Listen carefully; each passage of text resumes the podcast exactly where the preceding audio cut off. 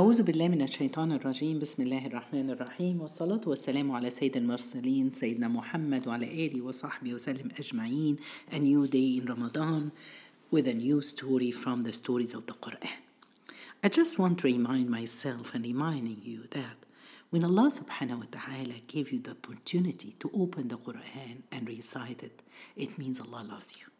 When Allah subhanahu wa ta'ala gave you the opportunity to read the tafsir of the Quran and try to understand it, it means Allah wants you to know what He wants His message to you.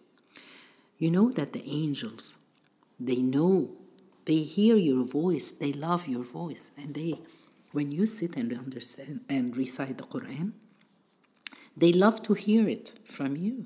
Why? Because you're special. Allah loves you and He made you love what He loves. Subhanallah, Allah has chosen you to sit and recite the Quran, especially these days during Ramadan.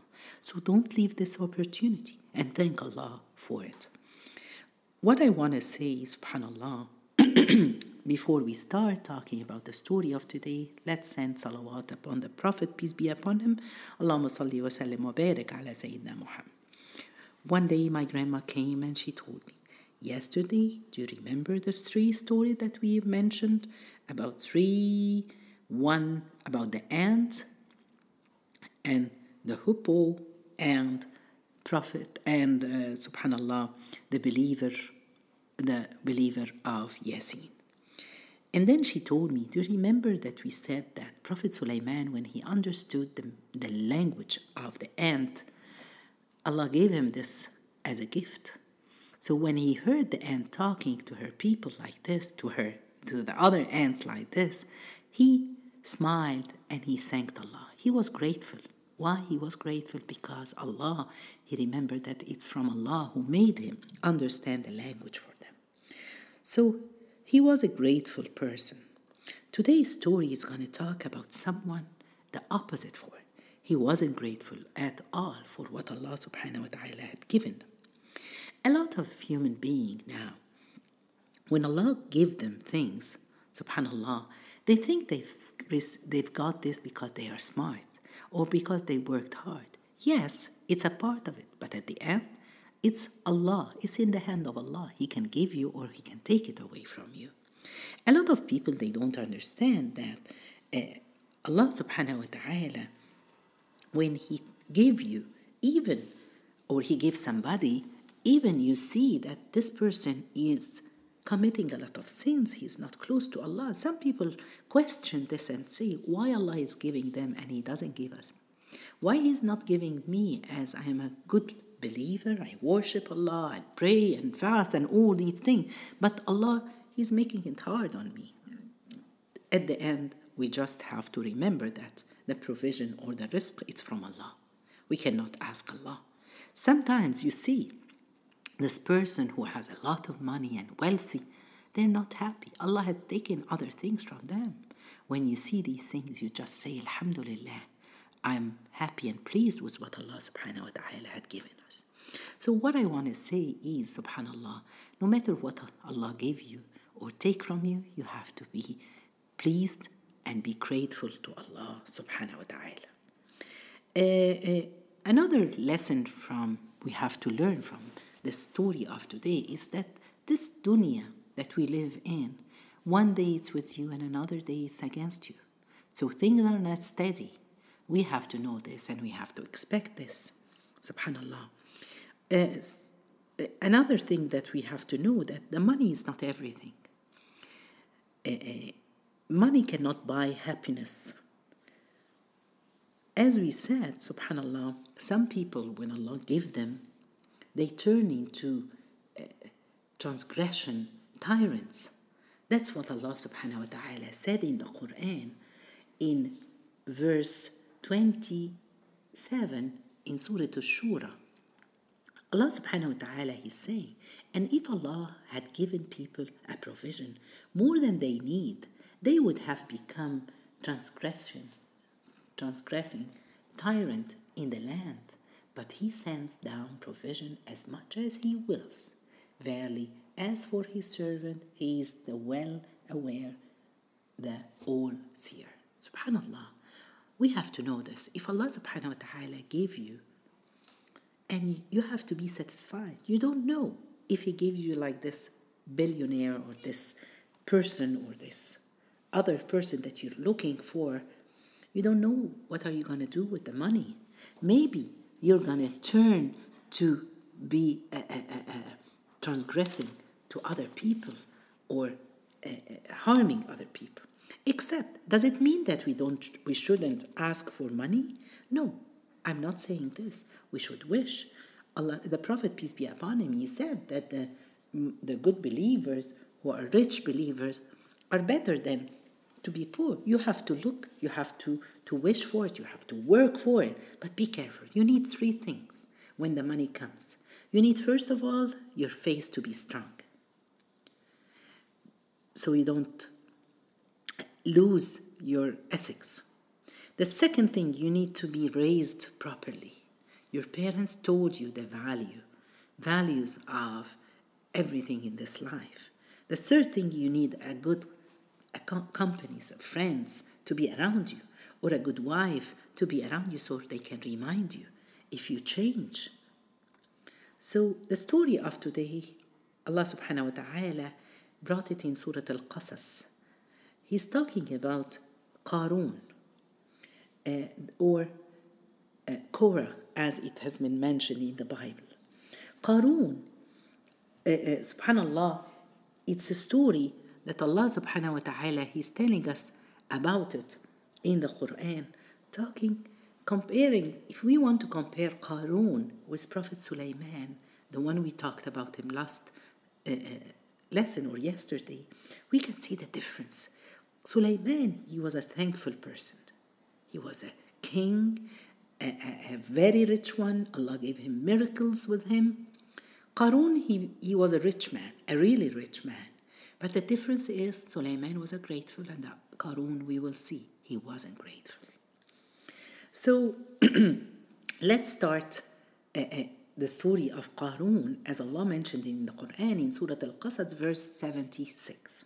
Allah mentioned and he said, Truly, Qarun was one of Moses' people, but he was arrogant towards them. Allah subhanahu wa ta'ala told us here that he was among, he was one of Moses' people. Allah should have said it, or he could have said it from the people of Israel. No, he said from uh, Moses' people to show he was close to Moses.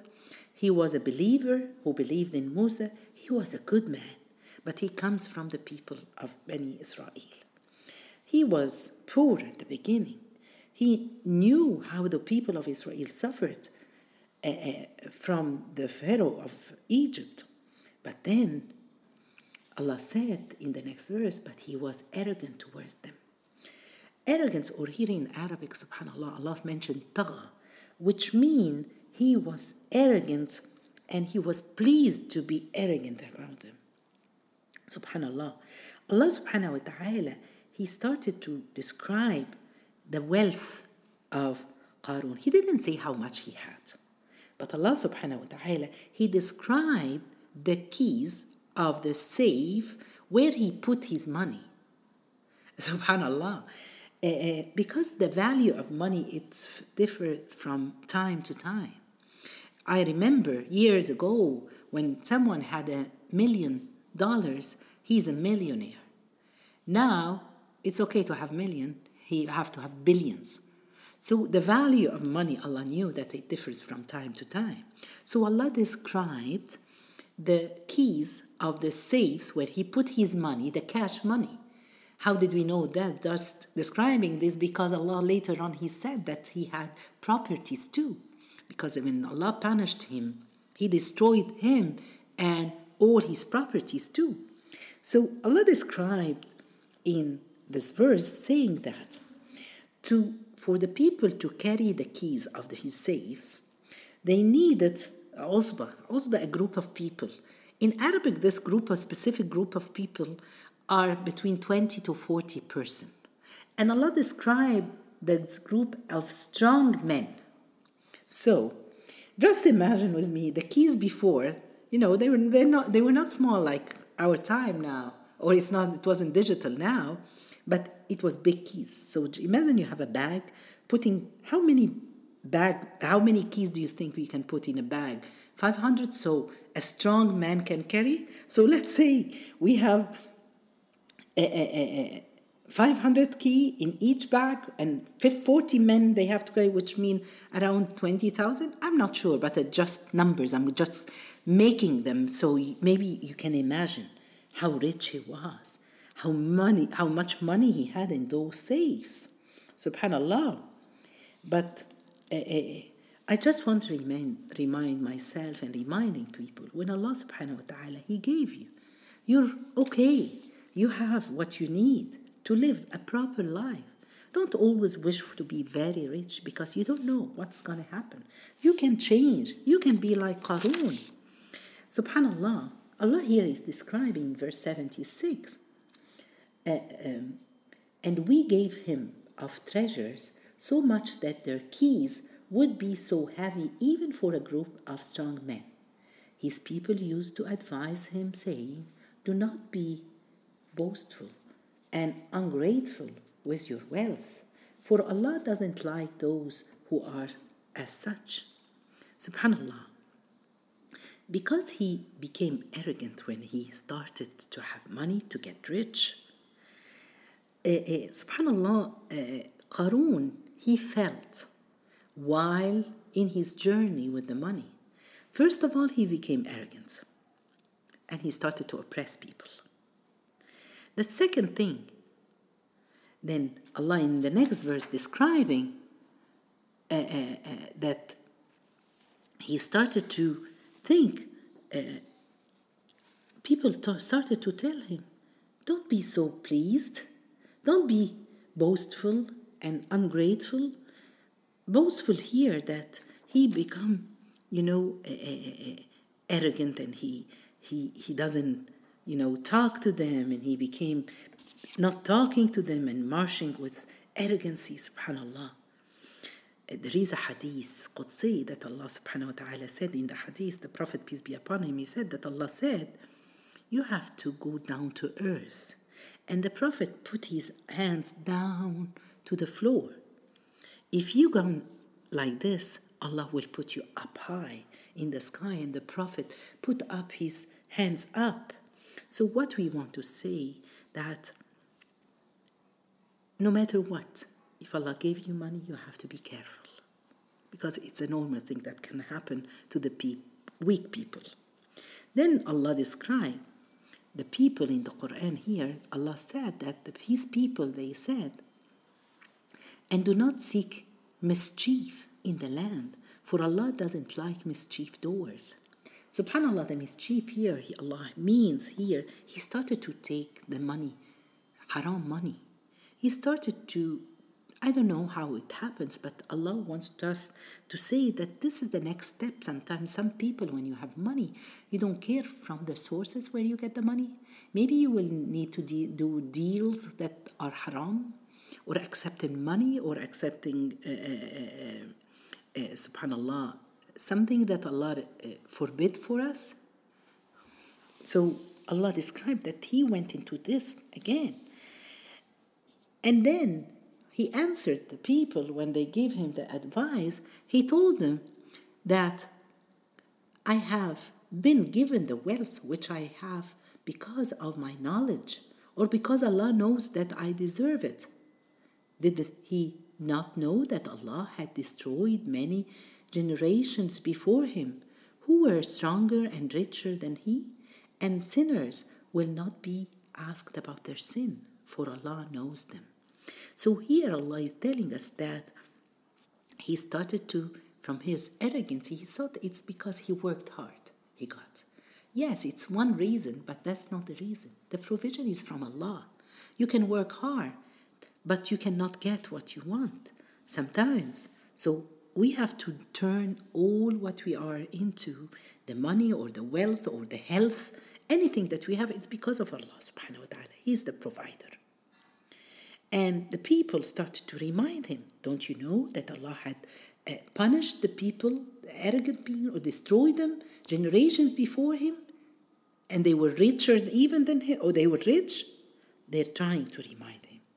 And then the next thing, Allah is describing what he did after that. So he, uh, Qarun, went out before his, before his people, in front of his people, in his home. Those who sought this life, subhanallah, he showed off. He went and he took his money, his treasure, just in a parade in front of them, like exactly the parade of the Pharaoh. Why did the Pharaoh made him do this? Because the Pharaoh went him to uh, uh, to the people of people of Israel to see him how he became when he became close to the Pharaoh he became rich so people leave the religion of Musa and follow Qarun and it happens the weak people when they saw his parade and how rich he became they started to say subhanallah uh, they started to say, We wish that we had the like of what Qarun had. He has a lot of wealth indeed. But the wise people, they started to, they divided into two groups. Some people, they were impressed of what they saw, the other people reminded. But those of knowledge said, Woe to you! The reward of Allah, paradise, is really better for one who believes and does good. And this reward is given only to those who are patient. So they're trying to remember them, remind them, subhanAllah, that, subhanAllah, Qarun kept on like this. He became arrogant. He thought that all what he has is from his knowledge and because of him. They, he oppressed other people. He started to get uh, uh, money which is haram from things that are not allowed and then he tried uh, to be a fitna, seduce for other people. And it happened when they saw him. But then Allah subhanahu wa ta'ala in verse number 81, he brought his punishment to him. So we caused the earth to swallow him and his house. He had no one to support him against Allah, nor could he even support himself. And those who wished after that when people saw this and people and those who wished the day before to be as rich as he was began they began to say do you not see that allah gives wealth to whomever, whomever he wills and prevent it from whoever, whomever he wills? Had it not been for allah's mercy he would have been destroyed him. Alhamdulillah so they, the believer they thanked allah. Subhanallah. And then the ending of the lesson it comes in the last verse talking about the story. As we have said before in the quran the last verse of any story is the ending or the results that we have to or the lesson that we have to come out with in verse 83 allah said that home of the hereafter paradise will shall assign to those who do not seek tyranny or mischief in the land, and the good end is for the righteous people. So, subhanAllah, this was the story of Qarun. What can we come out of lessons with it? First of all, I want each one of us stop with yourself and ask yourself, did I change when Allah gave me? When Allah gave me money, wealth, when Allah gave me power or position, did I change with the people who works with me? Did I change with the people who, my maids at home? Did I change with my wife? And we have seen a lot of men when Allah gave them money and they leave their first wife and they go and marry to another wife. So we have to question ourselves. It's exactly as if you're going on a highway and somebody asking you, put gas in your car. You say, I'm in a hurry. Subhanallah. You will forget and you will stop later on. So we have to ask ourselves. The second lesson we have to see what are the values? What is your uh, account values? You know, we have account in banks and we have accounts full of values. I have values about things. What will please Allah? I have values I cannot cheat, I cannot steal, I cannot take something haram. So, really, look at those values and teach them to your kids. This is very important. uh, the Prophet, peace be upon him, one day he asked the people, Do you know who is the person without money? They said, Al Muflis, who doesn't have anything. They said, The person who doesn't have money. He said, No. He said that on the day of judgment, somebody will come with a lot of prayers, a lot of fasting, a lot of zakah, but he came and he swore that this person and he was bankrupt on the day of judgment. So they said, all this people, no, the Prophet described this person who will come with every good deeds, a lot of prayers and all this, but he came and he swore that this one, he took the money of this one, he killed this one, he hurt this one, then he will be standing. They will they he will they will take from his good deeds. And if the, his, all his good deeds had been taken away, he will take from their bad deeds. And then he will be sent to hellfire. So be careful. Don't be bankrupt from hasanat, from the good deeds. We have to be very careful about this. So, number three lesson that we can come out of don't be arrogant. Don't you ever be happy with your how the way you worship Allah subhanahu wa ta'ala, especially these days of Ramadan. Don't be arrogant and think, oh, I have done this because uh, I'm, I'm going to Taraweeh every night. You look down to other people who don't. Don't. Be careful. The fourth lesson, which is, don't you ever harm our other people. Don't harm anyone with a word that you're saying or taking something from them. Abu Darda, one of the companions, he had a camel, and this camel was dying. So he went to the camel and he hugged the camel and he held it and he said, Oh, please, camel, don't stand in front of Allah on the day of judgment, telling people that I overloaded you some days with things more than you can stand. So, subhanAllah, he's afraid from standing in front of Allah subhanahu wa ta'ala, did something wrong to a camel. What about us? Just stop and reflect and see how is your relationship with other people? Do you help people or you harm people? Are you arrogant? Are you looking down to other people? So we have to be very careful. This is the story of Qarun. May Allah subhanahu wa ta'ala help us not to be like him. May Allah give us money and make us rich, but at the same time make us righteous to do the right thing. Maybe we have to ask Allah to give us so we can give the needy people. We can stand behind them to support them. May Allah subhanahu wa ta'ala accept all our good deed. جزاكم الله خير سبحانك اللهم بحمدك أشهد أن لا إله إلا أنت استغفرك وأتوب إليك